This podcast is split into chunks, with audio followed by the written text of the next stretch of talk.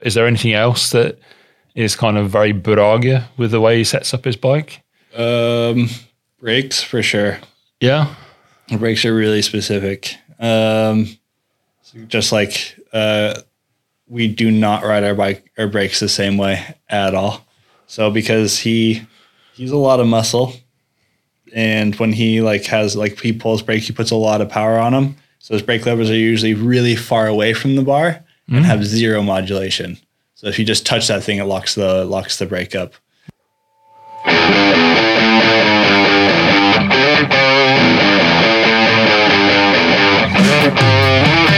Velkommen til episode 49 av eh, OTB-podden. Norges eneste sykkelpodkast med fokus på ekte stisykling. Ikke noe grusbanking her. Med sjenerøse dryss av enduro, downhill, dekknerding og geometrikrangling. Til stedet som vanlig, klar for å rette meg på for eh, faktafeil og språkfeil og alt mulig. Vidar Folden eh, Vidar Bensen Folden, heter du. Skål! Ja. Hvordan går det, Vidar? Nei, alt vel, egentlig. Det er, det er høstvær og sånn, så det er litt, eh, litt roligere på sykkelfronten. Men ellers bra. Ja, jeg har hatt en solid runde med korona. Du har det ganske ofte før. Ja, men eh, jeg, skal, jeg trodde jeg, eh, altså jeg mente at jeg hadde hatt korona før, men eh, jeg skal nevne at jeg hadde ikke testet positivt, men det var liksom mange rundt meg som hadde hatt det, og så ble jeg sjuk rett etterpå eller rett før. et eller annet sånt. Og så I tillegg så folk jeg traff, så ble jeg smitta. Så da var jeg bare skråsikker på at jeg hadde hatt korona. Men etter den runden jeg har hatt nå, så jeg tror ikke jeg har hatt korona. Men nå har jeg hatt det, for de strekene de kom etter 30 sekunder, det var jo som tegnet med to tusjer på eh, testen. Så. Ja, så, men herregud, altså, jeg, jeg lå jo helt flat ut. Uh, og ja, Jeg begynner å komme til ekte nå, men uh, det blir ikke noe sykling på meg på i hvert fall en uke til ti dager til, tenker jeg. Hvordan er hodet, da? Jeg ble veldig sliten. Ja, veldig sliten, og øhm, jeg sleit veldig med at jeg var så forferdelig svimmel, rett og slett. Det var veldig ekkelt, rett og slett. Eh, Sånn, stå opp for å gå på do og sånn. Jeg måtte liksom holde meg fast i ting. for at jeg var... Såpass, ja. Ja, hele rommet spant, og det hadde litt for seg, men, det- men det gir seg, så det går bra. Men eh, ja, jeg bare holdt meg hjem og eh, binge Netflix. Ja, du, du, er, ganske flink på å få, deg, få med deg serier. Ja, ja, ja. ja. Så, så, det, så jeg- nå er så gærent ikke er godt for noe. Jeg har sett, eh, jeg, har sett eh, jeg tror, jeg mener jeg har sett absolutt alle eh, videoepisoder, altså videobloggene eller episodene som, eh, til han Sam, Sam Pilgrim. Yes. Og det er ikke få han har laget. Nei, det er det. Det er mye, faktisk. Ja, ja, det, er nok noen hundre. Så ja, nei, han er rå. Ja, men eh, nei, det var, det var egentlig Jeg følte, følte det var en sånn siste fuck you fra 2022. Eh, for det er jo mye annet som ikke er helt gått etter planen i år. Eh, men jeg skal ikke klage for mye, da. Men det som er veldig fint, at eh, når man ligger i sykesengen, eh, eh, så får man veldig god tid til å bestemme seg og bestille en ny sykkel. Ja, det ja, ja, som, som sagt, det er aldri så gærent det ikke er godt for noe. Nei, ikke sant? Så, og det ble, eh, sånn som vi snakket om i forrige podcast, det ble Deviate Claymore uh, large. Uh, mørk grønn med EXT bakdemper.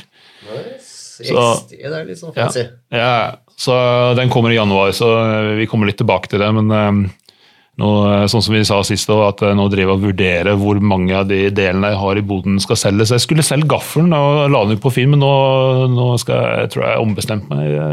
Ja, jeg må aldri selge. Nei.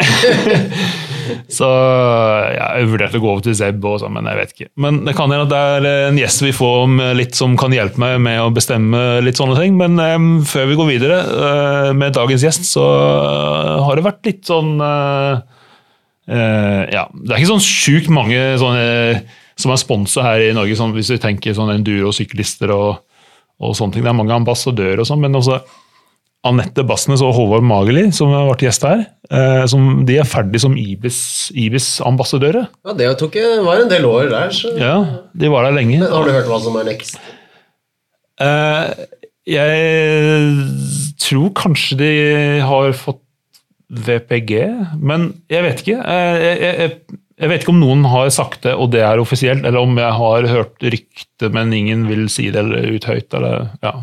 Nei, da vet vi ikke. Jeg vet det i hvert fall. Nei. Og det krever research, så jeg kunne egentlig bare sendt en melding til de og spurt.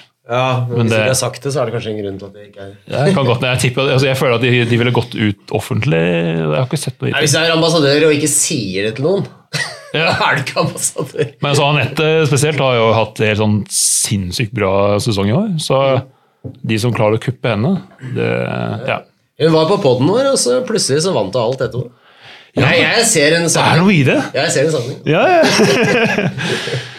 Og så han er også som, en som har vært på podkast, Are Tallaksrud. Han er ferdig som ambassadør for eh, Speed Products. Ja, Altså, ja, for Santa San- Cruz. Santa Cruz ja. i- i Ja. Eh, og han har, eh, han har fått seg en Forrestal-sykkel, ja, som du testa nettopp. som jeg testa. Det var en liten vittig sammenheng. Ja, igjen! Ja, ingen, ingen vi sammenheng. tester. Ja, Han hopper over. ja, ikke sant? Det er ikke, noe, det er ikke, det er Jeg litt, leder veldig. det er ikke for mange tilfeldigheter her, altså. Nei. Ja, ja. Men eh, også André Om- Omott eh, André eh, Han er ferdig med Plan A å sykle og Yeti. Og så han har flyttet til VPG og Rocky Mountain. Right. Han eh, fikk faktisk eh, nylig førsteplass på Os Oslo, Oslo Trail Cruise Downhill ritt på Tryvann. Veldig sånn eh, Er det Oslo Trail Cruise heter? Heter det ikke Oslo Nei, jeg husker ikke.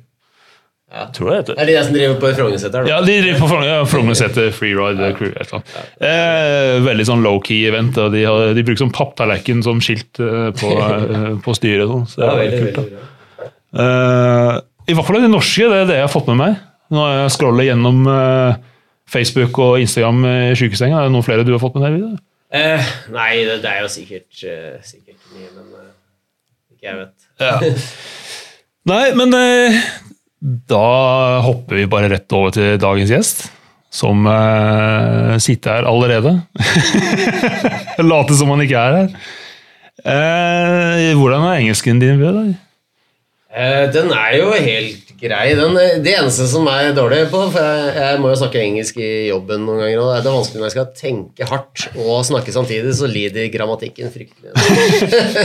Ja, mitt problem er når jeg har nors- nordmenn til stede og jeg snakker engelsk, så snakker jeg sånn norsk-engelsk. Ja, Det er liksom Ja, så men jeg har jo gjesten for å forstå Ja, ja, Norges norsk og Ja. engelsk, så det går jo bra. Nei, altså, dagens gjest eh, eh, Han er beskrevet som eh, legendary mechanic av Nico Wink.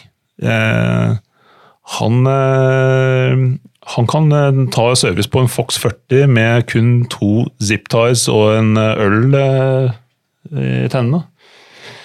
Visstnok. Han er suspension, eller demper-guru, suspension wizard, og han kan balansere bakdempen med kun hendene opp til 400 PSI, visstnok også. Men altså, vi, vi tar, Jeg har en sånn liten sånn, eh, lite klipp her jeg har lyst til å spille av før, vi, før, vi, eh, før han får lov å snakke. Du må være stille litt lenger.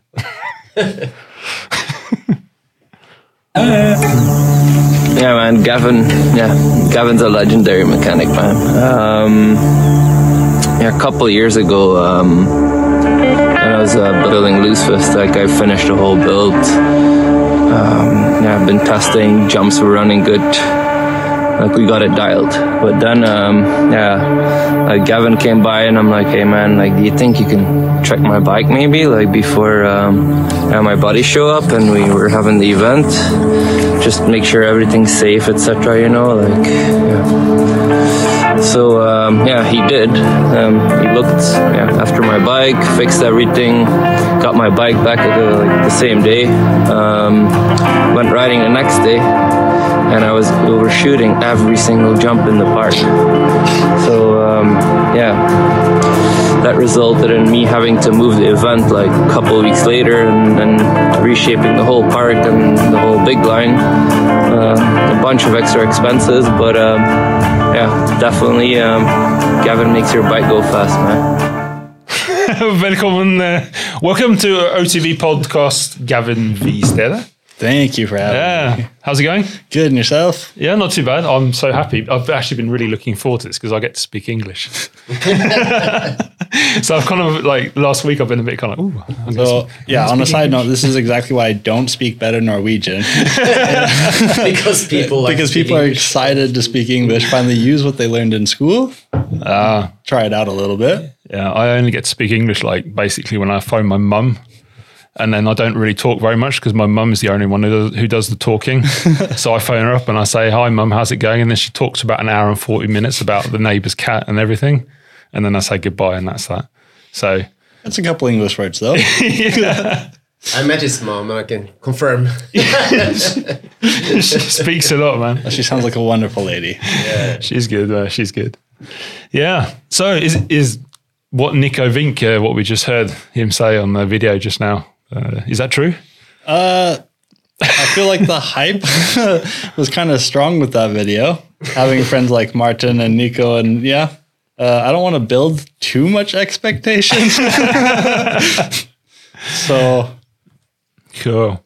But give us, uh, for those who don't know, who don't know who, who you are, who the hell is Gavin? I mean, what? Give us a little bit, a bit about your background. Like, how did, how did, um, just tell about how, how did mountain biking start for you? What's your your bike history? yeah, so well, originally I'm from Salt Lake City, Utah.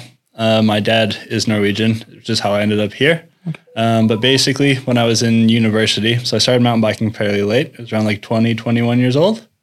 And I was living with some of my friends out of high school. And basically, they all bought mountain bikes. So if I wanted to see or hang out with my friends again, I had to buy a bike as well. Good group pressure. yeah. Oh, yeah, definitely good group pressure. And then, so went riding with them and then became just fully obsessed.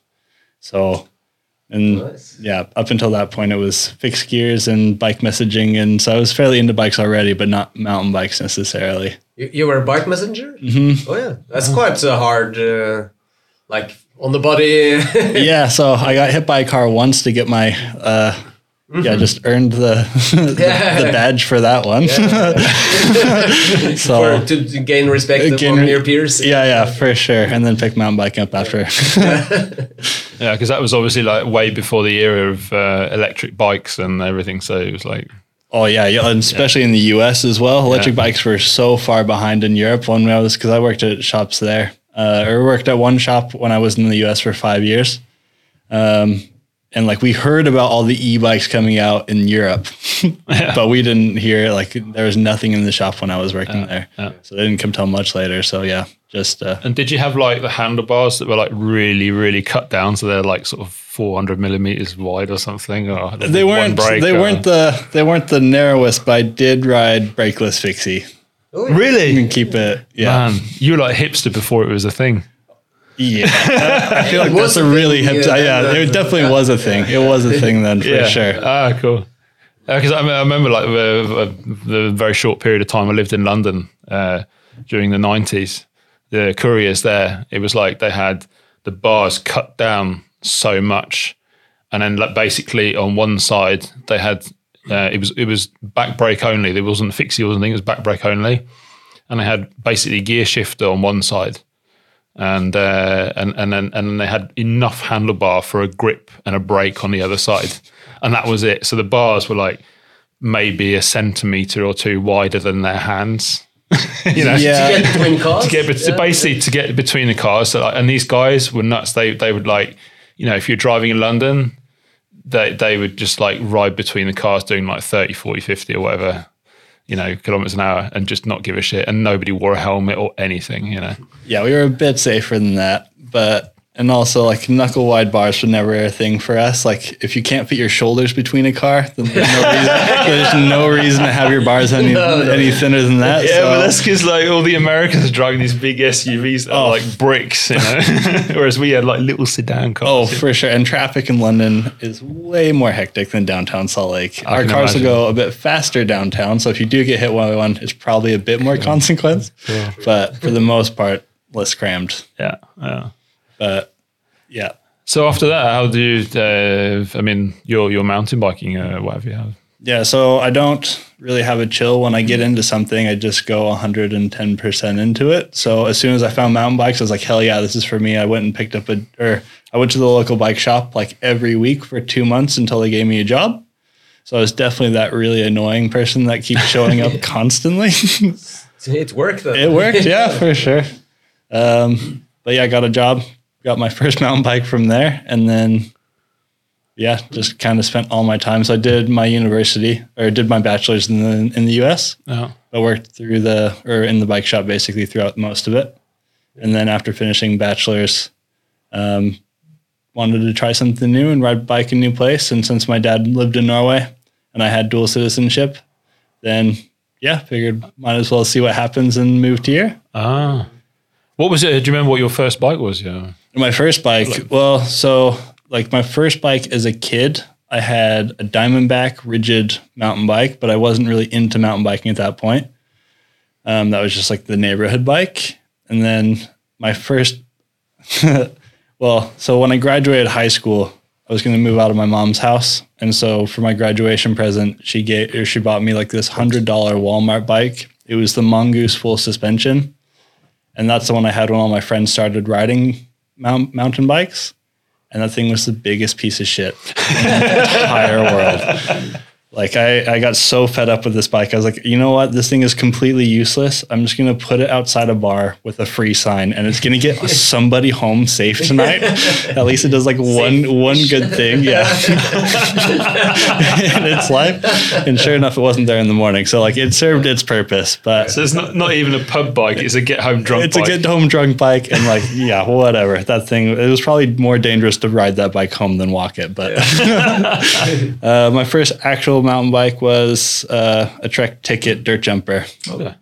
Cool. and then from there i bought the slash in 2012 enduro bike when it first came out See, you're, you're already you're like ahead of everything because you start off early with fixies, and then you start off with like fairly early with a dirt jumper. Whereas, like you know, a lot of people they have like full suspension bikes, uh, and then they go to a dirt jumper because they realise they're shit at jumping, and then they usually over forty have the cash to buy a dirt jumper and think that they can buy their way into being able to do dirt jumping.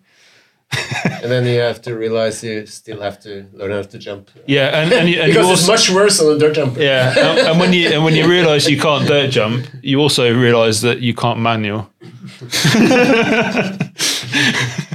i'm not going to say like my entry into mountain biking was graceful though like it, i have no talent at all for biking Okay. which is probably why i became so obsessed with it because progress was so easy like when you have no skill Yeah, we start with everything feels zero, like yeah. a success It's, it's great to start new activities because you you like go really accelerate really fast. For sure. And luckily in Salt Lake we had or we still have or they still have it like a really good local um well now it's a bike park but but, but then back then it was just like unofficial dirt jump park No. where you could take your big bike and hit jumps or have a dirt jump or a BMX or whatever.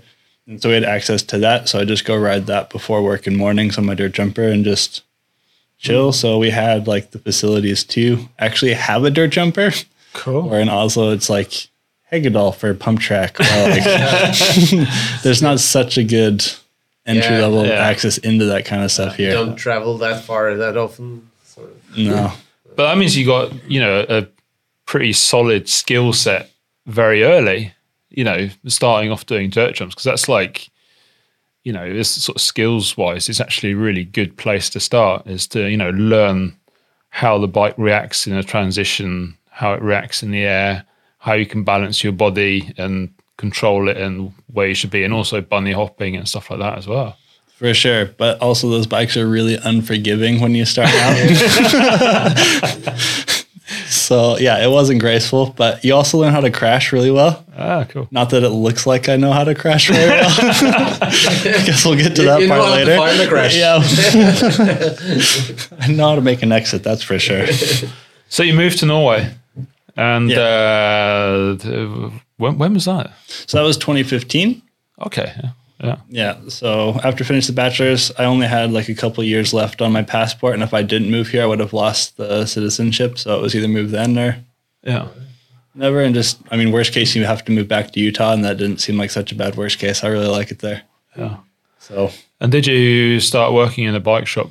yeah, so I I. I came out. Um, I came out for a few weeks to see if I could find a job before actually moving to see if it'd be viable. And then Spin My and pretty much took me on within the first week that I came to to visit. Yeah. So I came out uh, first season in 2015 and started working at Spin and worked there for a few, a couple of seasons. Cool. Because the guys at Spin, they're they're quite quite a sort of bike loving crew. I get the impression. Oh, for sure. Uh, you know, it's not because it's quite a big shop, and it's in real sort of prime location in the middle of Oslo. You know, there's there's not many bike shops that can afford to to have that kind of location. You know, a lot of them are out of town or they're net based or whatever. But those guys keep it going. So I, I did notice, like for a while, I kind of had this sort of animosity towards them because I just kind of looked at the shop front and the way they've got the bikes in the window and that. You know, I mean, they're they're trying to earn money, but and I didn't know anyone who worked there, and I just thought, oh, you know, that's like one of those sort of wanker bike shop places. to put it to put I it mean- mildly. I mean, but in- I was yeah. I have to just say I, w- I was so so wrong. You know, because I've actually been there quite, and I know a few people who work there now, and it's not just because I know the people there, but I've actually been there, and they are actually a really cool bunch of people. For sure. Yeah, they really are. And I mean, in the general area of town that they're in, I can definitely see where I'd come off as just being another kind of yeah, posh, Yeah. posh bike shop for sure. But yeah, the crew there was super, just super into riding mountain bike. When I came in 2015, though, like it wasn't the type of mountain bike that I was used to riding. That was the biggest culture shock to me. but they rode all the time. Yeah. So it did force you to get out, and they did just generally love riding their bikes. And a lot of the friends that I made when I first moved here in 2015 are still some of my best friends now. Cool. So yeah, I got super lucky with that place. And Is everyone works at uh, Spin i- i- in the bike bums? Uh, yeah, so the bike bums, not everyone in the bike bums crew has worked at Spin. okay, so they're it's all- not two ways. Is uh, No, a few of the guys that are in the Bike Bums crew have definitely worked at Spin, and the Bike Bums crew is definitely heavily influenced by the crew at Spin that was there when I worked there. Right, right. Yeah. Yeah, Cool. So it was that type of vibe the whole time. See, He's another early guy with the bit of bike bums. Just, just gonna, I'm just gonna, I'm just gonna phone you like once a week and say, what, what are you up to at the moment? And then I'm just gonna follow that, and I know that'll be the next thing. I, I hope that uh, no, But uh, so you were at Spin for a while, and then uh, you moved on from there. well, so because I when I first moved here, I was also doing a master's at the same time. So I was doing a master's in OS Yeah. at NMBU while I was working at Spin. Did, I, I don't know if you mentioned at the beginning. What, what, what were you doing a bachelor and what did you do in masters? So bachelor, I did international or I did environmental and sustainability studies at the University of Utah. And when I moved here, I went to NMBU and did international environmental studies. So I ended up working with Oslo Kommune and uh, working alongside with uh, Nina and those guys on doing like a big mapping project for city planning in um, Oslo Marka.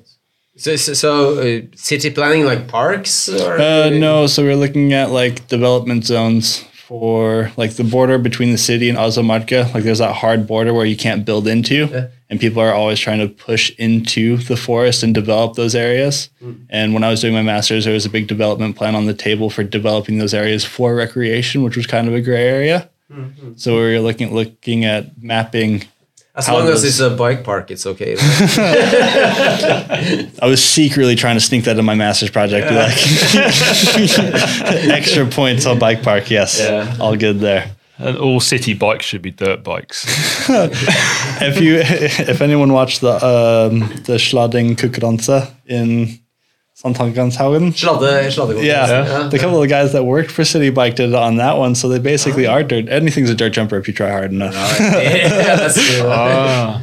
And there's, there's I've, I found an Instagram uh, account today, and it's I think I'll, I'll, I'll put it in the show notes. I'm pretty sure it's called City Boys or something like or City Bikes. I know. I'll find it. It's basically a bunch of guys in New York who do uh, street riding with city bikes. No and way. they are really, really fucking good as well. Sick. Like, yeah, they're not they're not just jumping off little curbs and stuff. I mean, we're talking like proper, you know, proper drops and and you know like 180s and all sorts of crazy stuff. the stuff. city must have a whole separate budget for top road wheels after those guys are around. yeah, I'll, fi- I'll find it. I'll put it in the show notes. It- it is, it's, it's hysterical. They're worth watching. But uh, you finished with your master now? Yeah, so I did. Uh, well, I did my the master was two years, so I finished that one. Yeah. And then soon after that, I started working at BC. Yeah. So, so, so you weren't, weren't uh, tempted to work along your uh, education? Uh, I mean, I was tempted, but also yeah, to work in Oslo Community, you have to be fluent in Norwegian, Oh, yeah. which obviously I'm still not, so it wasn't a chance then. And then right after I finished my master's, I got the opportunity to start a workshop with BC. And I mean, I'd been working with bikes for so long um, that obviously it was a clear passion, and I wasn't going to not turn down an opportunity like that. Oh. So just figured I'd give it a few years, try that out, see if it works out. And then to me, also having a master's, it made the whole bike mechanic thing feel more like a choice, mm-hmm. which I think does help in the long run. Yeah. yeah. So, and you always have the master in in, in the back. Well, you think about it, like it, yeah, it's I guess kind of like a, a false sense of security yeah. because I haven't worked with it for so long that if I actually tried to go back and like use it for anything, it'd probably be a lot harder now than Ah, you Yeah. get into it. yeah. Yeah, yeah. But luckily, the bikes thing is pretty sick, so I think Yeah. I'll stick with this one. Because BC, that's the guys out at Hervik, isn't it? Yeah. Ah, Brown couch. brown. Yeah, brown couch. Brown yeah. Couch, yeah. yeah. I thought they were called British Columbia bikes for ages. Yeah. And every time I sort uh, looked up for them on the internet, I didn't find them. like, no, James, it's brown couch. I'm like, oh, God. Yeah, British Columbia is in a different country. Yeah, but it, you know, it, it would sort of make sense if for Yeah. because of the bike connection and the, I mean, okay, they're in Hervik, so it's not British Columbia. I wish I was in British Columbia bikes. I don't know, but they're, maybe they're very cool, you know. yeah. Yeah. I've been to Whistler. It was Yeah. very, very fun. Yeah, if I opened up a shop in Oslo, I call it Whistler Bikes. Why not? yeah, they did work magic on my uh, on my Fox 38 that was giving me so much trouble. So you've obviously left some kind of some kind of Legacy. legacy, uh, legacy there. I mean, they're all they're all they're good guys, always have been. And then the mechanic Jeff who took over for me when I left, like he's such a good guy as well. So he, yeah, I mean, it's still solid. and Yeah, Jeff is a legend in his own right from way before BC. So yeah, can't go wrong. That's cool. And then after BC, was that when you went to Gida Cykel? Yeah, so I went to Gita. Cool, cool. With Martin uh, Vinje yeah, and uh, I've gone terrible names. What's the name of the other guy? Guess Svensson. Mikke Svensson. Yeah, that's right. Yeah, yeah. That's cool. And how was like from going from Spin to BC to Gida? Like, is it is it a very different kind of vibe in all these different shops, or is it just you, do you feel like you just same kind of friends, environment, and group, but you're just changing the location in a way? If you know what I mean? No, there's a. I mean, there's a few shops in between Spin and BC, but basically there's a totally different vibe. So Spin, like Spin, isn't your Spin is the biggest chain I've ever worked for. Like the shop that I worked for in the U.S., they had been around since 1942, and they're a really small shop and family owned. And it was definitely like you have to you have to work. Like you're there to work, obviously, and work to learn. But everyone there loves riding bikes, and the general vibes really good. And then spins a bit of a chain. so they all they do have an upper management, which is what pushes things along. And all the guys that work at Spin are obviously super keen on riding bikes and mountain bikes, but the majority of the bikes that come in for service are commuters and that kind of stuff. So it's not a bad thing, but it's just like a not as specialist No. or yeah whereas when i started with because i worked at star motor first and then from star motor i actually went to bc Right. um, so i came from like a really suspension heavy or going from spin i wanted to do more specialist work with just mountain bikes and learn suspension and that kind of stuff and be in an environment where you can learn it and since there's really no education for it being at star motor was a great like you work alongside all the moto mechanics there and well suspend or mountain bikes are just basically mini moto yeah. and those guys have been working with moto for so long Yeah. so it was a great place to learn so from there to bc and then to gita like it's all similar vibes like everyone's uh not to use the word core because I kind of feel like that excludes people, but no, it's just more interest focused. Like, and Yeah. both at BC and at Gita, like, of course, if you bring your commuter or your cyclocross or whatever, like, we'll happily help you out because we also ride those bikes, but we definitely have our specialties and get to be a bit more nerdy about that kind of stuff. And Yeah. Oh, cool. yeah, But you, but you, a lot of business must be in the commuting uh, kind of bikes. Oh, for sure. Yeah. Commuter bikes are still bread and butter. Yeah. That's for sure. Yeah. Yeah. That's, that's So- what gets worn down day by day. Oh, for sure. I mean, mountain bikes, yeah, also get worn down day yeah, by day. take a, they take a beating. yes. But it, it- quite often, like if you're a bit like me, uh, often when you end up in a bike shop, it's because something's broken and you can't fix it yourself, and it's a bit of a crisis, and you're probably, you know, Short on time. 12 hours away from going to Nesbyen for the weekend or some enduro or something. I mean, is it like every customer that comes in, it's a crisis? No, it's not every customer, but in season, it's quite a few. So that's also like if you came into the shop and we ask you like when you're looking to have it done by, it's because we're trying to be flexible with people. Like if you don't need it tomorrow, the next person probably will. so we, yeah, uh, no, it's not everybody. And also being riders, like of course we want you to ride your bike. And we're also in that situation ourselves when our own bike break and we have to try and fix it after work before we go riding. So we're no different than anybody else. And we can definitely see that perspective. But as long as you just work with us, usually we can make it happen. Yeah. Yeah, because I, I remember it was what, about probably about a couple of years ago, and I phoned up, and uh, it was you know typical situation. I think I was going to Nesbyen or something, I don't know, and my rear damper just like the ring had blown out, and it wasn't holding pressure and stuff.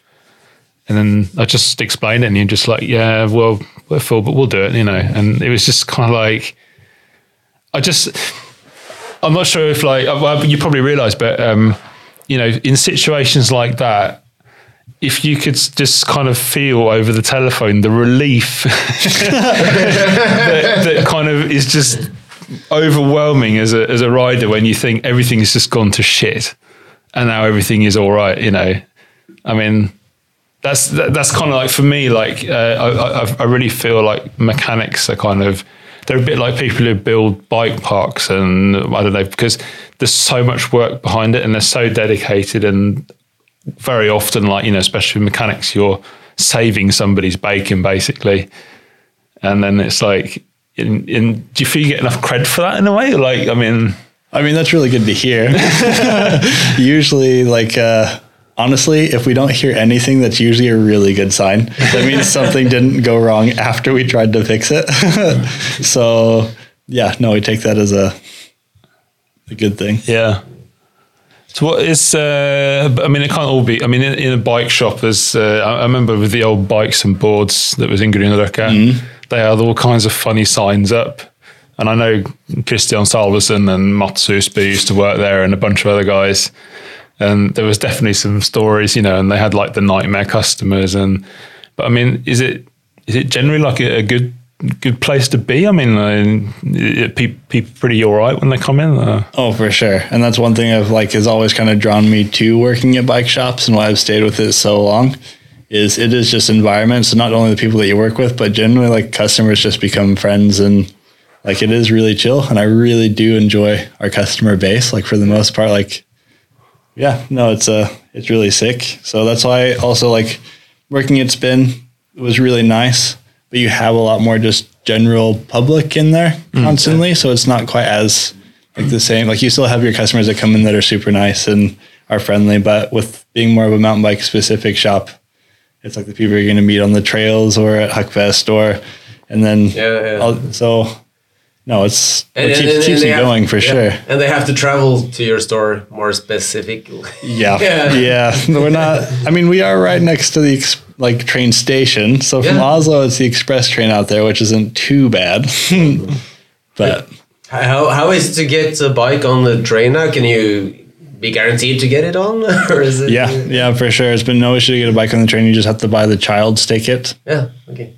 okay. Yeah, which is the half price one. So it's like 32 kroners from Oslo to Asker, I think. Yeah. But what what shouldn't you do I was like, when you come into the shop? Like you must get some customers. And just, I mean, how how how do you not be a dick in a bike shop? Like what what's is there anything that like when someone comes in or says or does or whatever, and you just kind of like, all right, it's Yeah. just, you know, So, well, one of, this might be an unpopular opinion against other mechanics, but for me, having a dirty bike is no problem. it means you've ridden your bike, and like I don't often wash my bike super like well, Nice. so like it doesn't bother me. I don't know, but I know it does. That can get to some people. Um, but if there's gonna be one thing that kind of I don't know if it's just me or like, yeah, being the dick at the bike shop is like, yes, we understand that you've tried things and it's really good that you've like explained to us what you've tried so we can go on. But if we're gonna put your bike in the stand, like don't try and help us do work on your own bike. uh, like you're kind of there for us to help you out, and it only makes us go a little bit slower. Like that's our yeah. Yeah. Have, have you seen this? It's, it's been on the internet for a while. They've seen a sign that with, with different prices at the car Yeah. garage.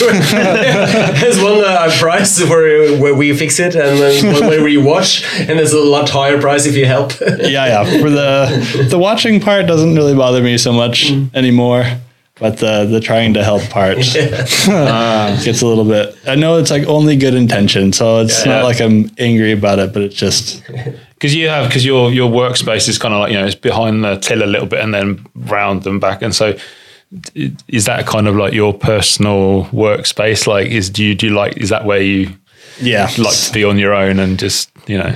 Yeah. So it's it is definitely nice having that little spot to myself, and Yeah. we kind of built it not to exclude me from the rest of the shop, but. Uh, with it's only because it's only me and Mika in the shop at any given time. And if the shop's full of customers, and if we're both helping customers, it means that no service is actually getting done, and then we have to do it all after work. Yeah. So Mika kind of handles a lot of the customer stuff, and then at least one of us is constantly trying to get through the workload for the day. Um, which is why they have that like little sanctioned off place where I can I can come out if I need to help out, but I also have a place where I can kind of Yeah. yeah, but it, it does become a little bit of a vibe back there. I, I enjoy myself, and for me, just being able to like that's kind of a happy space. Just being able to like enjoy what I'm doing, get super into it, and nerd out really hard and listen to music. And Do you do you get stressed out, or do you, are you- are you just kind of like sort of a constant kind of like, okay, it's just not going to go fast enough because if it does, I might make a mistake, or so it takes the time it takes, or yeah, pretty much. Yeah. Like obviously, I'll try and go quicker if I need to if it's super busy, but I really don't try because doing it twice is always five times longer than hmm. just taking a little bit extra time and changing the seal that you might not need to change type of Yeah. type of stuff. Wh- What's the maximum amount of time you have used to get to get a like a wire through some internal things? Um, well, are we counting e-bikes? Because Yeah, yeah, those can be a mission. I don't even want to start talking about hours on those ones. Yeah. Uh, that's uh, that's the thing is I mostly enjoy if if I have the time and nobody's bothering me. I enjoy wrenching on my bike a little bit, but sometimes you get stuck on something like uh, you're gonna get, get like the gear wire through something and it, it just won't go there and it just gets angry that's why I bought a Madonna. no internal wiring Yeah, yeah, yeah. whatsoever. yeah No, internal gear wiring's not too bad. But the things that really just get me are the are the fixes that are only supposed to take like five minutes. yeah yeah and then something goes drastically wrong and it becomes like two hours. And when it's supposed to be easy, but it's not, for some reason that really gets to me. yeah and but Yeah, yeah. You you of course have a place to go, but I I can stand and lose something like a nut or something onto the grass and never ever find it again, and it's never something that I have.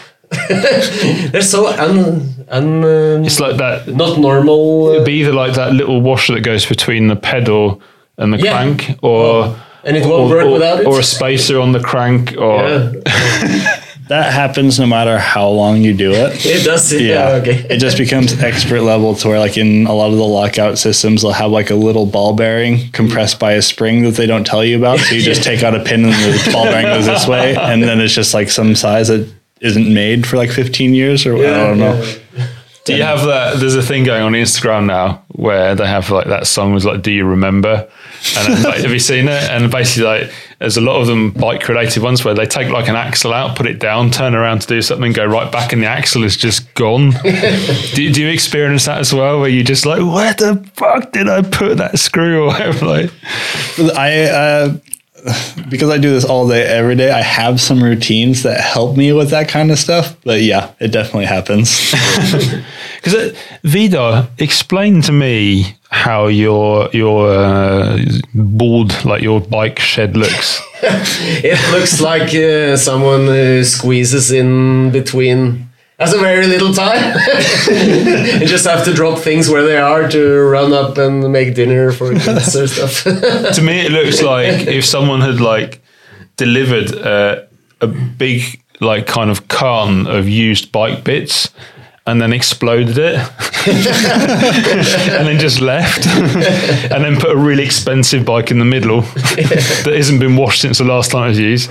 That's kind of your Uh, usually, I have a system-ish thing that so uh, I can figure out in which zone.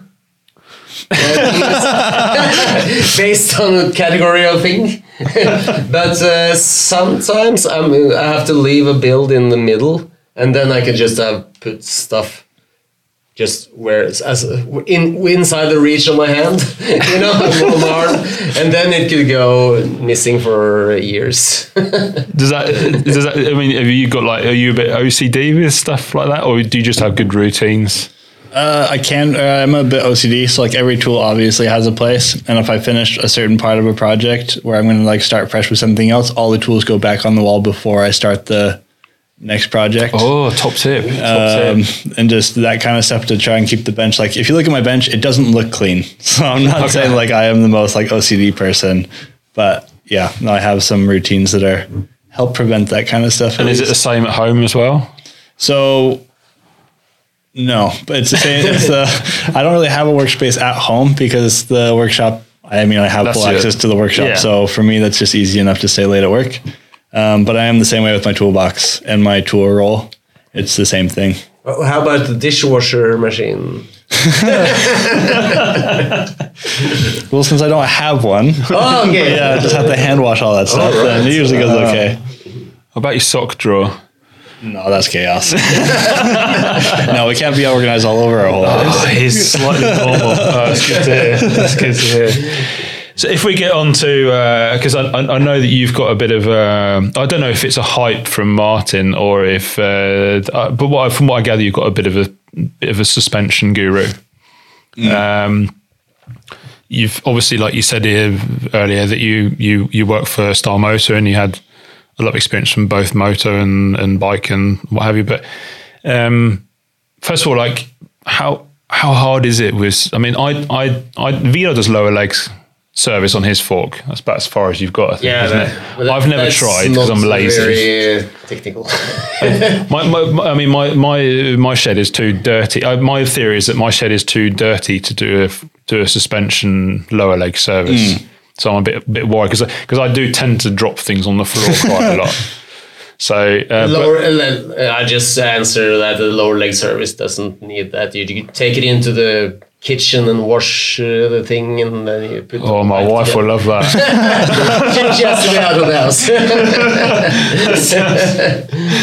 but uh, I mean, you know, when you get into the depth things, I mean, how how how hard is it? I mean, how is, is there are there magic tricks uh, that you or special things? I mean, I I'm asking a question about something I know nothing about. Yeah. Uh, and this one's kind of a hard one to ask because to me, it doesn't like, since I do it all day, every day. And it's also a difference. Like when I was doing my master's and working at Spin at the same time, I obviously wasn't wrenching full time.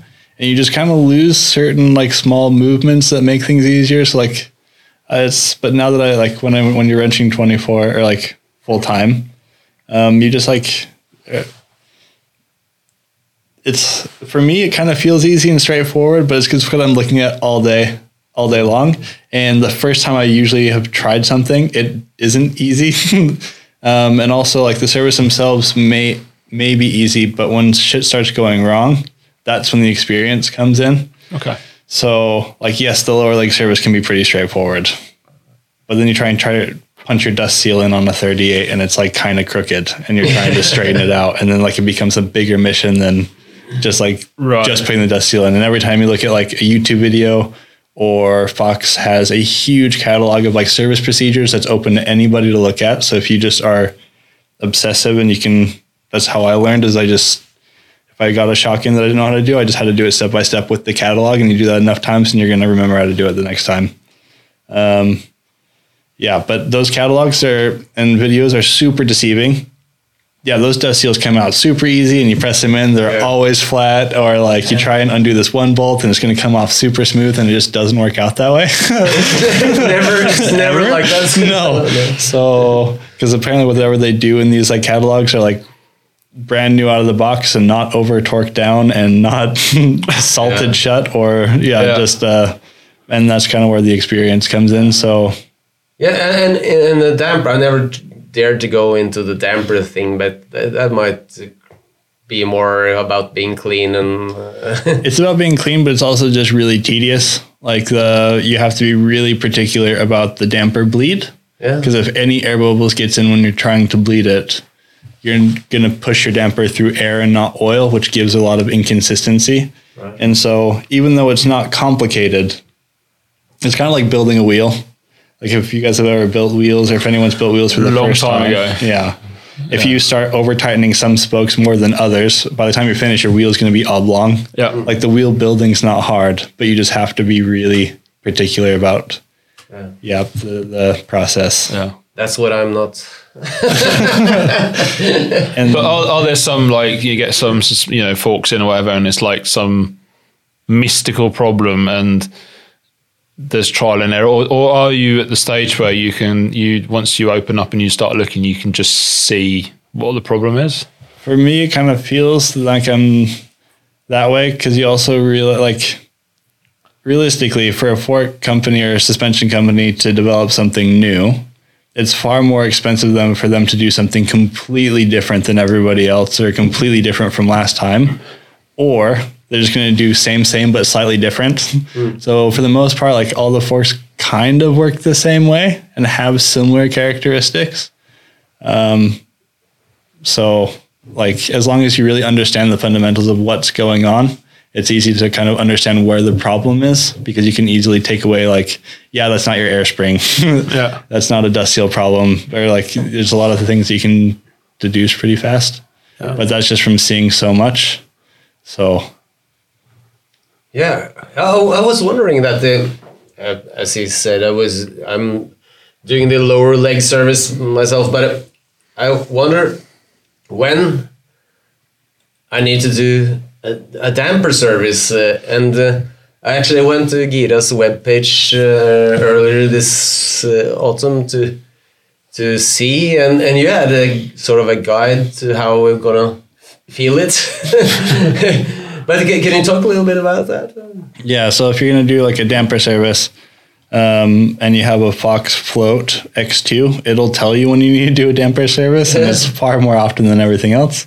Um, but no, for the most part, if your shock, like you have a normal airport in your shock in your fork where it balances out between the negative and air, positive air chamber. So if you hear a little bit of noise when you first compress your shock, but only in that spot, then it's probably all right. But if you just hear like a slurping noise throughout the entire shock, what's happening is you have air in the oil. So air and oil are passing through a shim stack, and that's what's making that slurping noise, and that air shouldn't be there. Yeah, So that's a that's a full service. yeah, but that's not the same as the breathing noise on the rebound. Uh, No, that's not the same because, uh, and that depends on what oil certain shocks are using and that kind of stuff. So that breathing noise in the rebound is a little bit different, yeah. Right, right. And then with the forks as well, like if you have these new Grip 2 dampers or grip dampers, they're extremely reliable, which is why they've changed them to that way. Um, so for the most part, those actually bleed themselves, which is why they use a different weight oil in the lowers um, because it kind of purges and sucks in oil. So if you take your lowers off and it's supposed to be kind of like that whitish colored oil, if that comes out black, then the oil in your damper is going to be black. Ah. and then it needs to be bled. Okay. Okay. And then you have certain shocks like the deluxe coil from RockShox. Those ones are really reliable. And they will blow themselves up internally before they ever start making any sucking noise. so a lot of times we'll get into those and the oil is pretty black by the time we get in. So yeah, those ones maybe like once a year on coil shocks is not too bad of an idea, but Yeah. Because I, when, like I was mentioned earlier, when I came in with my rear, I had a Fox X2 rear shock, and it had blown out a seal and lost the air pressure and what have you. And then I remember you mentioned that uh, you'd seen it a few times from from new shocks, but then you said once it's once you've uh, done your magic, put your magic fingers on it, then uh, it doesn't happen again. And like I've heard sort of rumors that when you get your fork or your shock from the manufacturers when it's brand new, that it's like not maybe it's like too finely tuned or I don't know what that that's you know they, they tend to not they tend to need a service a bit quicker than when somebody like yourself has given them a service after a while. Is that is that true? Is that is that It can be. Um, just because like when you get like a new fork from the factory, a lot of times like they won't have grease in the dust wipers um, and that kind of stuff. And it's not necessarily because they need grease in the dust wipers, but they just wear a bit quicker, in my opinion. And I can be a little bit liberal when it comes to grease, just because it keeps things smooth for Yeah. quite a while. So that's why on the Float X2, uh, those ones like generally after a service, um, you won't have as many of those issues because the seals just aren't dry and don't. I don't know. Can, can, can you do that um, without opening it up? Can you sort of grease the outside and it pour into the rubber, or is it? So they have. Um, there are some products like I know they use the silicone spray um, on the stanchions. I don't know how much that actually does because those wipers are usually pretty good about wiping Yeah, stuff it. off. But there are some oils. Like I know that there's some companies making some like uh, lubrication oils. And usually there's like a metal spring on the outside of the seal. So like popping that off and just using a really small zip tie to kind of open up a gap between the the stanchion and the seal and like dripping that oil down in there. Um, they do make those. Those are really just for racing application though. So they wear off after a couple runs. Yeah. So it's just really short time solution. Um, so unfortunately they're like, and they're usually frowned upon because usually like your everyday customer that wants to do that just doesn't want to do the service. so usually a service will solve those kinds of problems instead of kind of going for these other things. Like that's really just high level racing application if you're trying to look for the extra bit of time on the track. Um, but quick tip if you do want some like lubrication on the stanchions of your fork and stuff before like you descend, is just turn your bike upside down when you're on top of the trail. Because then it'll take all that lubricating oil and actually just put it straight into your foam rings, hmm. and you'll actually get a much smoother kind of ride feel for the descent on the way down. Ah, so it's yeah, a really yeah. cheap and easy way to nice? I heard, hear people refer to it as a lower leg service. yeah Just putting bike upside down. until it's completely dry. Then uh, then it doesn't work out so well. But you, uh, I mean, obviously you, you you do any make, you do you know Cane Creek, Öhlins, Fox, RockShox, DVO, EXT probably as well, I guess. Uh, Um, whatever we can get parts for, Yeah, for the most yeah, part. So yeah. we haven't done any EXT yet, but because we haven't really had very much question for no, EXT. there's not that many of them. No, no. So, and it has to make sense for us. Like, if we're going to buy a bunch of special tooling, we kind of have to pay for that special tooling. Yeah, it's, for, it's for people like me where it's like, well, well, that rear shot costs two thousand kronas more, and they're like, oh yeah, well then it's better. I'll buy it. That little cat, that yeah. little niche category of people there. But uh, I mean, when you're going through these different makes, is there any particular make that you're like, oh, that's so much better than that? Or is, I mean, you said that a lot of the stuff over the, across the makes is similar. Uh, is there are any are any of them or any shocks or forks? Are there any, anything's like a nightmare to work with, or I don't really want to like. I don't, don't wanna hang anyone I don't out? wanna hang anyone out on this one. Obviously, there's some models that are better than others. uh, brands better than others, but yeah, Do, do, do you know do you know much about the suspension tuning? Do you do that? yeah. So I do quite a bit of that as well. Right. So, so you know uh, your way around the shim stack. Yeah. Yeah, shim stack and also just your general settings and oil weights and that kind of stuff. So Yeah. there's a few ways to do it. So, so, so what's your like? Um, I shouldn't go any trade secrets, but did you like uh, uh, change oil weights for temperature or for use, or well, uh, or something like that? A little if we can for use, not Yeah. not so much for uh, temperature, um, but we can for use. So yeah, Yeah. And do- when you do like tuning, how, how, how does that work? Do you, someone comes in and says they need this, or do you you out with them? Or I mean, is it is it sort of service tuning you do, or do you actually help people set their bikes up? So I've wanted to do more of like the bike setting up, like when I've worked with uh, Brage and some of the pros, like we've gone out and actually done proper tuning, tuning with them, um, or even like Nico Hoglev or like at Huckfest a couple of years ago, I was doing that stuff with them as well. Um, and it's something I've wanted to do more of, but it just comes down to time. Yeah, Unfortunately, not be able to do that with everybody. So, like for the most part, if I'm going to be tuning with people, it's just kind of helping them understand what's going on. Because a lot of times people will show up, be like, "I want this better." But it's- that's time consuming, right? Well, it's not so bad. It's just like you kind of have to know where people are starting, what they want, and then kind of where they want to end up. Because a lot of times people don't need a special tune for their shock. They're just more confused about the settings and they've got something kind of wrong. And like you have products like ShockWiz to help you. Um, but a lot of times people are trying to satisfy that smiley face that ShockWiz gives you, than trying to figure out if it actually feels good or not Yeah, and riding is all personal. I know that the bike industry is trying to keep this a secret, but like it's all preference at the end of the day. so yeah. We generally we generally disagree with Shockwiz. yeah, but but still, I- I, I feel a little satisfaction if uh, if I and me and Shockwiz agree. So I. I usually shop around for different profiles until I find something. that agrees with me. but that's the thing is you found something that you feel feels right, and then you're just trying to make the Shockwiz agree with you, and there's a profile that does agree with you. So like you you kind of like yeah But you you said that you you've done some stuff for Brage Brage Vestavik. yeah. Uh, and uh, uh, Martin tipped, tipped me that you've done uh, you've worked on fest series in Poland and Belgium, and you've been to Rampage, and uh, there was like a Red Bull athlete meetup in Wales and, and stuff. I mean, that's pretty. Was that for specific athletes that were there, or did, were you like general for a, a number of people that were? Um, so it de- depends on the event. Like so, it all like the first event I was kind of invited to is through Nico Vink, yeah, for Fest or for Fest in Belgium.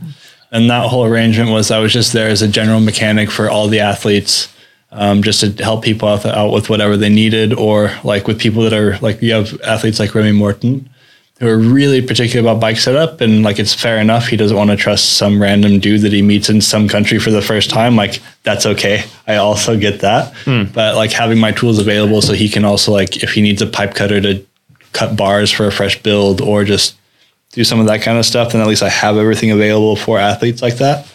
Um, so I was there just more as a general mechanic invited through Nico Vink for that one. Um, and then with Wales, I was there for, for Brage. And then in Fest Series Poland, uh, it was Simon Godziek who kind of invited me for that one to do the same thing that I did at Belgium. It was just more just general for whoever needed help with whatever.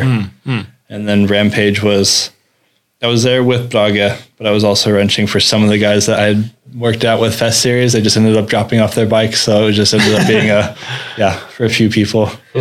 Happy guy, Yeah. just like in the shop. well, I mean, if if you're not good enough to ride at these events, find a way to make yourself included and just be stoked on being That's there. so cool. yeah, but that's really cool. That's a really good mentality to have, I think. you know. But, but when somebody rides something like uh, Rampage, what what do you have to do to the suspension to make it uh, tolerate this uh, kind of abuse? Just weld it shut. Honestly, it's not too far off. Eh? no, uh, for those ones, we just have to make it as stiff as possible. Yeah. So basically, a lot of those guys. Well, it also depends on preference. Like you have different athletes with different preference. Uh, like for uh, for at least at least Brage, um, his setup for that event was extremely stiff. So we were basically just trying to set up a DH bike with like a slope style bike feel. So just like wow. No sag at all, and then just big impact only because you don't really have small bump up there. No. It's just big impact. Okay. And so with the stiffer the suspension, the more pop you can get out of it, and then it just takes those bigger impacts. Hmm. Where if you would have it slightly too soft, and if you bottom out, that impact feel is going to be way harder than any impact you feel if you feel like a really stiff suspension. So we just yeah had to make it really stiff, and luckily, like we were able to set some shock, shocks up super stiff, and then the Mar or the Fox guys and Marzocchi guys showed up and were able to help me do a couple of custom tuning small bits for the end there. Cool. But what, what do you have to do anything special to not blow the seals off when they land? Like like Brage is like 200, 300 kilos. Well, 'cause they- and then it drops like 14 meters or what is it more? Yeah. And, Oh, it was- and cases it. Yeah. Yeah, it was so like it's- 15 plus. Oh, it was ridiculous. Yeah, that job. it- Yeah. yeah, um, I would believe like any kind of seal would. No, nothing super special with the seals. Um, I'll personally use like a little bit thicker grease just to help certain seals hold a bit better. Like it doesn't need low friction in some of those things. Yeah, yeah. Um, so something that helps that way, but nothing special with the seal. I know like World Cup downhill teams, sometimes they'll have custom seals in their shocks, but it's uh, not super common. And then James blows out his X2 just uh, riding around doing It's nothing. just you know, it's just it's just a, it's a little marker thing, and, and, you know, I think it's probably more to do with the amount of watts that I'm putting down. Yeah, yeah, yeah, of course. There's, there's a lot of factors. Yeah. Or maybe I'm just shit and I should have got it serviced a long time before it happened. no, the, the, the unfortunately the Float X2 can be a little bit unpredictable. It decides when it wants. I- to Besides when but after it came into you and you had a bit of a you know bit of a chat with it, it was, uh, but I got rid of the X2. I just couldn't get on with it. Um, I guess the guy who bought it uh, is very kind to it. I guess. uh, yeah, Fuck, what's his name? Oh my god, I'm blank. Uh, Vegard. Vegard, that's it. Vegard Bre- No, not Breyer. Vegard I know. Um, Scorpion. Thank you, Vegard Skorpen. who, yeah, he's. I did one. I just thought, he, why? he, he broke a a, uh, a steel frame into. Yeah, I'm just like, why? Why is he buying an air shot? but you Because know, the air shock is good for heavy people, really. I think. We, Yeah, uh, yeah. we came up with a couple of tunes for Vegard and a few of the other guys called Chunky Boy tunes. Okay. So for, for the outside the norm usage, we uh, cool. Because those who don't know, he rides quite hard, and he's he's not a very small person either. No, and he and he usually like he's ridden like if you go on his uh, Instagram page, it's, he rides. You know, he's he's been to Hafjell and, and Drammen and everything, and he rides like a, a hardtail on everything, Yeah. and really, really, really well. Like you Yeah. know, it's just it's, he just smokes like everyone on it. It's ridiculous. seeing some of the stuff he does on bikes is yeah, it gets you super stoked to ride your own bike. He is a lot of fun to ride with and just a nice guy all around. So yeah, And he's, He's like, awesome. without you know, I'm not dissing him, but he's like he's when if you meet him because I met him a couple of times and I met him also before I knew how good he was at riding. And there's certain people that you meet and you just look at them, you look at their bike and the way they're and and they just kind of they just everything about them is like this guy's shit hot, you know. And I'm not saying Vegard didn't look like he was shit hot, but I just I just never expected him to be any to be anywhere near as good as he is on a bike. He just he just looked like another guy on a bike who's a bit of a weekend warrior. And then you like, you know, you, you see him riding and then you see his Instagram and it's just like, oh my God, this guy is just ridiculous. That's what I aspire to be as a person that doesn't look like it, but it'll surprise you. Right now, unfortunately, I definitely look like the shit hot character that's just like so disappointing. At the end, it's just like, oh, okay. Yeah. We're all there. Yeah. We're all there. Yeah, but you don't have a monster logo on your helmet. Oh, that, that gives expectations. Oh, Yeah. the struggle is real. When I ride snowboard, I have uh, different jackets for different parts of the uh, season. So I, I have uh, one with less colors on for the beginning of the season where I'm shit. and there's some, uh, should I dare to go to the next jacket now? Or, or because the people sitting on the lift they, they expect expect something. Yeah. you can't can't be shit on the jumps if you have a strong. And it's like combo. never wear camo. No, no, no, no, no. I, I'm, no. uh, not, Yeah, I'm I made there the yet. mistake. My all my uh, snow kit is snow camo yeah, full Yeah. winter, and yeah, it Yeah, and you does have me to no go favors. 900 at least. Yeah, nine hundred to face plant. Yeah, yeah, that's okay. I think if people can expect a little slamming. yeah. Yes.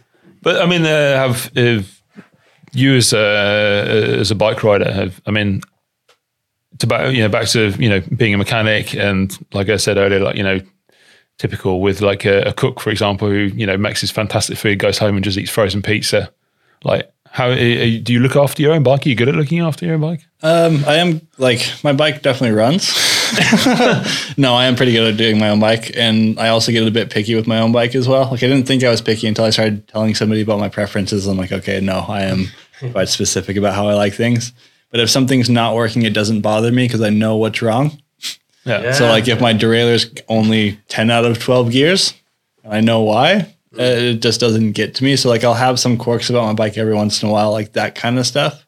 Or my bike's definitely not the most silent. So if my bottom bracket creaks, uh, but there's no slack, Yeah. uh, it's all right for me. so Yeah. yeah, I think a lot of those times too, um, when bikes are making noise and stuff, and people don't understand why, that's why it bothers them so much, is because they feel like something's going to go catastrophically wrong with their bike. Right. When realistically, it's probably something a bit small, and you should have it checked it out. I'm not saying like if your bike's doing a bunch of weird stuff, like don't do it. But like for me, because I know what's going on, Yeah, yeah. like but return customers earn more money. Though.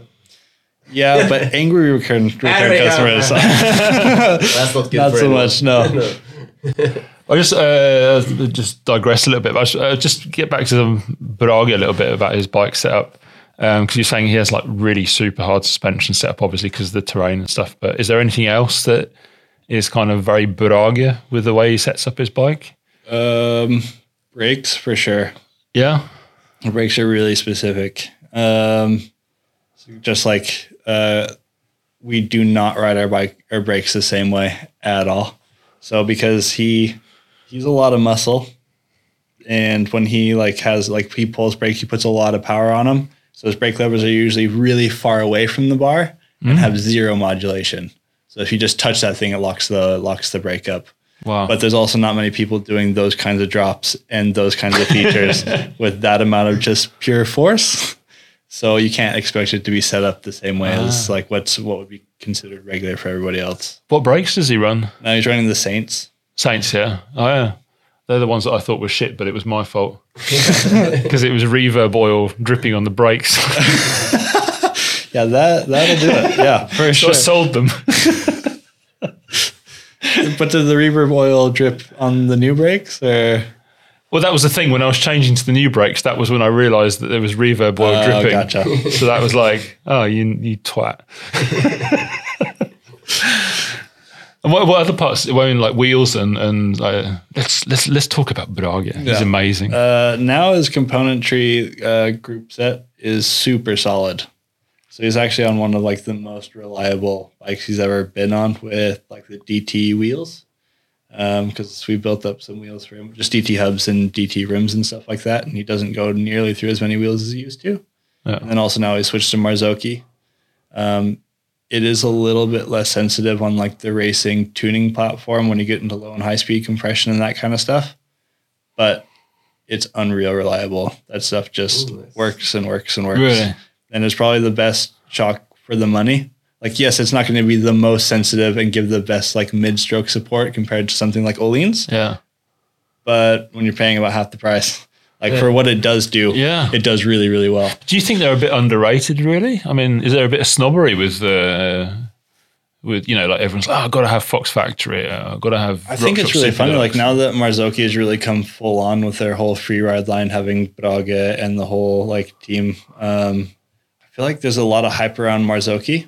Yeah. Like if you have a Marzocchi build now, people are seem to be just more stoked about it. Like if you had entry level, like because the Marzocchi fork is really close to like the Fox Rhythm, you're gonna get more resale value out of your bike with a Marzocchi fork than you will with a Fox Rhythm. Really? Um, even though a lot of the internals are the same, they still use grip damper. Like the air spring is really similar, that kind of stuff. So there's a lot of hype around Marzocchi, and their new air shock um, is built like it's their air shock is the first shock that they've developed themselves. Like all their other stuff is kind of like Fox trickle down. So their air shock was launched as like a first Marzocchi ground up build since like the old bombers and that kind of stuff. Um, it definitely shares some stuff with the Fox shotgun, but at the same time, that shock is crazy reliable. Like I remember we got one of the prototypes in for Brage and it just didn't ever blow up. And when we were rebuilding float X2s like constantly, that was a nice change. Yeah. so as far as setup goes, he's on like a really solid, really solid bike now. Cool. Cool. Yeah, man, and it seemed from the marketing that it was actually sort of built for free ride. Yeah. Yeah, yeah. I mean, Brage's does have some special tuning and stuff in there to make it extra stiff. Okay. Uh, but I know riders like Tyler McCaul, um, he's riding just like the over the counter version. Yeah. He doesn't like his shocks as stiff as Brage, and he's a much lighter rider. Um, but it same thing, just just works. Yeah, So that yeah, stoked on that one. Nice. Do you think that uh, a lot of people who ride in Norway, you know, weekend warriors like ourselves, uh, basically overbiked?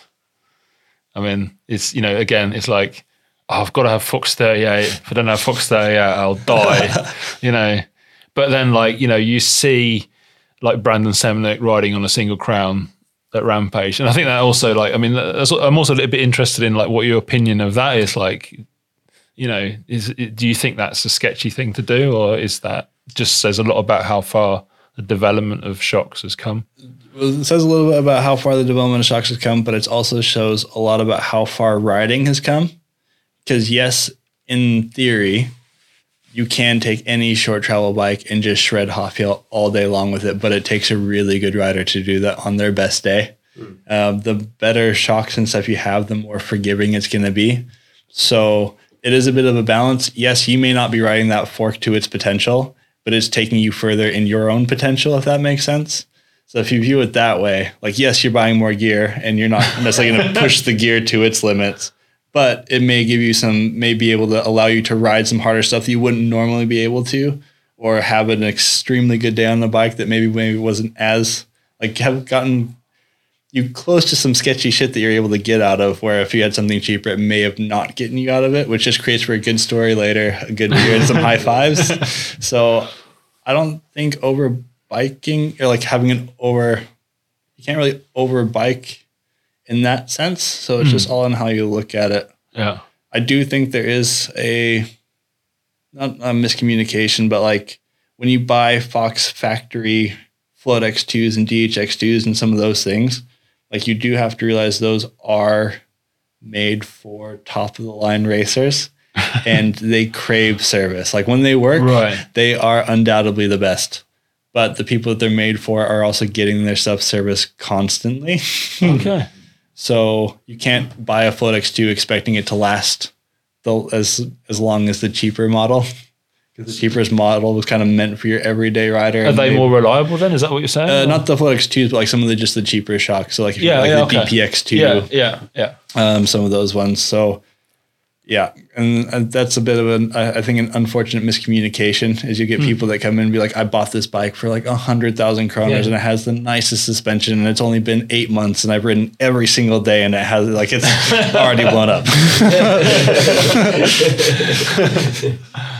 Oh, that's pretty interesting. I never thought about that. That's pretty cool. But you, uh, uh, you've I mean, back to your riding. You had a situation this year. No, was it this year? Yeah. well, I had one last year and then this year, so I've kind of had a, okay. a solid couple All of right. years. Well, let's start at the beginning. What what happened last year? Were you were you overbiked? Uh, I mean, I was definitely overbiked. My bike was definitely a better rider than I was. That's for sure. Uh, a little bit too much confidence into it was opening weekend of the Drammen Bike Park, or not, or opening weekend of their big jump line at Jum- the Drammen Bike Park, right, right. and I was feeling overly confident based on how good my bike was, and didn't really talk to anybody about the jumps or watch anybody hit them. I just decided like, yeah, I got this, and just went way too fast and went over the bars and ended up breaking collarbone, punctured lung, and a bunch of ribs. Oh shit, shit. So that was a good. Punctured lung sounds bad. That one was uh the puncturing of the lung, I guess. Or I didn't really notice. It just felt like you got the wind knocked out of you. Okay. Uh, but when they weren't, yeah, emergency surgery at the hospital, Yeah. and then the worst or the weirdest part about it is when you leave the hospital and they take the because they basically do put a huge tube in your side to allow for airflow, so you don't notice after the surgery at all. But when they take it out, your lung kind of collapses a little bit again.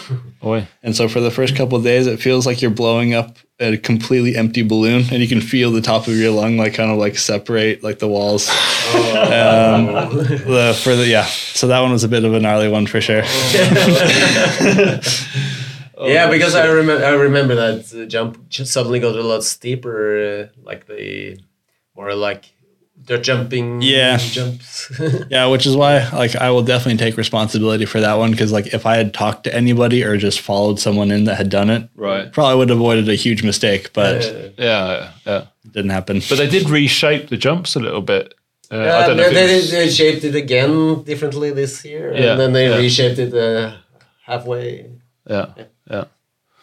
And then you had like a situation this year where you definitely weren't overbiked. No, the whole point of the race was not being overbiked. Yeah, Yeah. so clunker race. Clunker race at uh, Huckfest. Mhm. Yeah. So then, what? then that uh, the, the bike collapsed. Was that the thing? Um, well, because I actually don't remember the the incident at all. Like my memory is completely black for about an hour leading up to the crash itself. So I've only heard after the story. But essentially, we had we were blind racing a new course, and there was uh, it was down the ski field with wet grass, and then there was like a little water drainage ditch, and yeah, being Huckfest and being a bit too competitive with a few of the competitors and just having a generally good time. And also winning last year, I had to really maintain my title. yeah, I see that. uh, just way too much speed. And then I hit that little drainage ditch, my front wheel being a clunker race.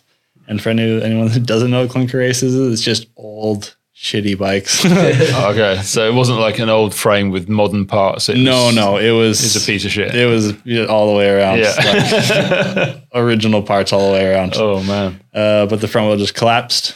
And Yeah. then I guess like because there was only one other person that saw it because a big really important detail in the story is I was leading the race.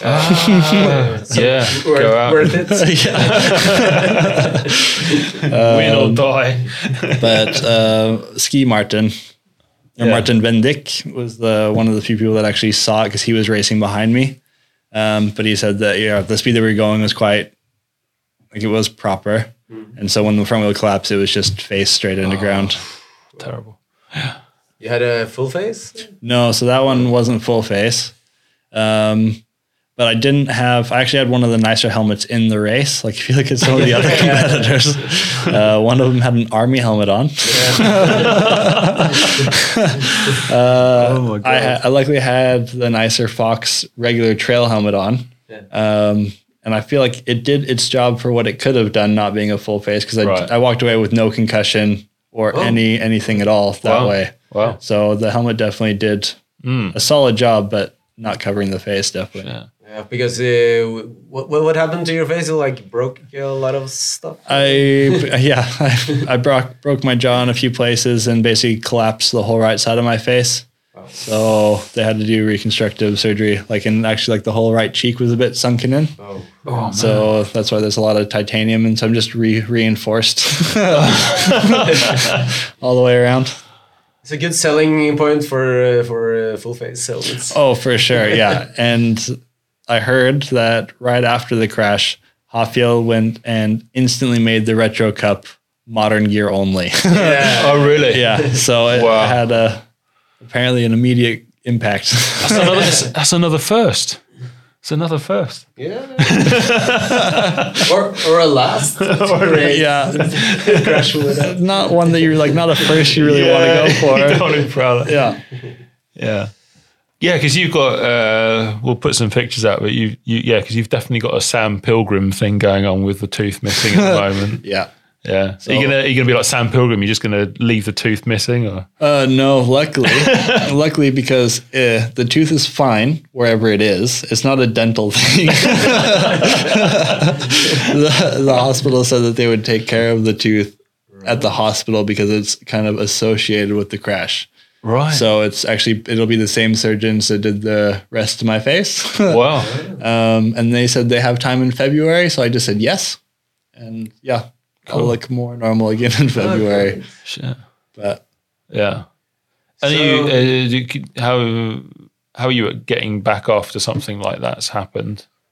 I think I got extremely lucky not remembering anything. Because obviously, like not remembering leading up to the crash, I don't remember how fast or like the moment of impact or like all the kind of like trauma that goes into that section. I don't remember like all the after part with like the the helicopter flight and medical just kind of like being all over you and doing all the really painful stuff. So I feel like I escaped a ton of trauma Yeah. actually. So not too like for me, I felt really bad because it was worse for everyone else involved. Like for Martin and Per Arndt and those guys who had to roll up on me bloodied in a field and have to deal with that. Yeah, it was yeah, yeah. way harder on them than it was for me. So Yeah. Yeah, I owe those guys a ton. Cool. Cool. Nice. Good, good thing it went relatively well. Uh, seem it seemed bad at the time. Oh, for sure. Yeah. I mean, it could have been so much worse. So I, I honestly also haven't felt anything bad at all because it could be so much worse. Like only Yeah. six weeks with eating soups and having to get new tooth in February. That's, yeah. Yeah. Yeah. yeah. Nothing hope- but hope you like nothing to feel grateful. No, I actually don't like soup. though. and I definitely don't like soup after that. Good switch to porridge. Too thick. Yeah, Yeah, there's a lot of things you learn pretty quick. right, right. All right. So we're, we're getting to the, uh, the towards the end of the podcast now. We've been. Uh, Man, I feel like I could just like chat about suspension set for hours. But uh, what I mean, what is what is your favorite kind of riding? What, what, what do you? Is it trail riding or long riding or? Um, that's kind of a mixed bag, I guess. Yeah. For me, though, just like just general trail riding is Yeah. what I ended up liking the most. Like in Utah, at least we like that was a big difference between Utah and here. Like first riding there was a bit easier entry into it because everything's more flow trail. So like Trysil, but quite a bit more technical and like a bit faster speed and that kind of stuff. And I really enjoy that kind of stuff. Um, yeah, Yeah, and then just if you can get on those kinds of rides with some good friends, then that's definitely my favorite. yeah. Because I was going to ask, like, what if? It's a question I quite like to ask sometimes. Is like, i- i- if you if you had like a a day riding in a specific place on a specific bike with a specific personal crew or whatever, what what would be your like your dream bike day? My dream bike day, I think it'd have to be in New Zealand, Wow. just because it's like so high on the bucket list places to go. I like good high speed, just fun trail. And if I had to ride with any, like, yeah, I'm kind of torn between like I'd love to go riding with Martin Soderstrom. That would be really dope because he was one of the people that I watched videos of. That's why I bought a dirt jumper when I first started riding bikes, is because I watched him and Danny MacAskill ride. I'm like, yes, that's it. I, I need that. um, or the, just the Vanzacks. Those guys look like a lot of fun to ride with. Yeah, yeah. Um, yeah. Cool. New Zealand, that's a good one. Yeah, I haven't really thought about it. I I know some people go there to ride in the winter because it's on the other side of the globe, but uh, it's, it's, it's really, really nice, probably. I've had some friends go ride there and they've only had amazing things to say. So really keen on that. Cool. And we heard a rumor that you're quite good at playing the didgeridoo, That I can. Yeah. but that would be Australia, not not New yeah, Zealand. that'd be Australia. No, that was from, I learned that way before biking. But you don't ever like go on bike rides and have your didgeridoo strapped to your frame and then go and sit out somewhere and just play it to nature. Uh, no, I've generally kept those things separate.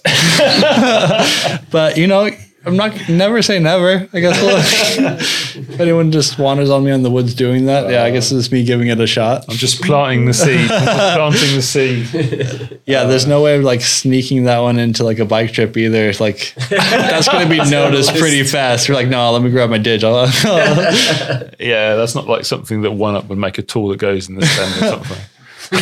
Nah, I'm sure we can find a mount for it. That'd be no worries. Ah, cool. Well, it's been great to talk to you, Gavin. And uh, unfortunately for you, there is nobody who uh, is allowed to come into the OTB podden without going into what we call a skriftestol, which would be like the confession box. so I'm kind of guessing, as a bike mechanic and a and a, you've been riding for a long time, you've got maybe a one or two bike sins that you do you wish to uh, cleanse your soul with uh, with us. So I'll just let you in here now. That's got a bit of a holy uh, vibe going on here. No didgeridoos, I'm afraid. That was the only way I was going to confess. So, can I get an example of a bike sin? Like, what are we? I don't know. I mean, did have, you- have you used like bar ends at some point, or uh, maybe, uh, maybe? I mean, maybe you've maybe you've forgotten to tighten up a front wheel when you've done a repair on a bike or something. Or, I once did try and put a dropper post on a downhill bike. Yeah. It sounds like fun though. Yeah. no, it was But it's on. probably probably a bad scene. It was on the very early, early days when I first started riding. I just wanted a free ride pedal bike. Right, right. And that was a, yeah, realized really fast that seat angles on downhill bikes are not at all friendly with downhill bikes. Yeah, how, how does that work when you when you have this sort of the angle of the seat going quite Straight far back? Yeah, no, it doesn't. Doesn't so, work, uh, yeah. yeah. but I, I heard a rumor you do a bit of running as well. yeah, I think that's my biggest sin. That was- He's trying to hide it that's from us, but it's just not working. Just working. want to come with Yeah. One confess. And you, you, are you training for a marathon at the moment? Somebody told me. Uh, no, I, well, I did a half marathon the same week I went to Huckfest and broke myself. Oh. So I've kind of made it a personal goal to do another one before my birthday. So Ah. yeah, I don't know. See how it goes. Prioritizing running uh, instead of mountain biking, Vida. That's uh, Yeah, what? that's pretty rough. And having a, a dropper post on a downhill bike. Yeah, what kind of punishments will cleanse this? Uh, like uh, twenty Ave Marias with with a good, good start, but Yeah.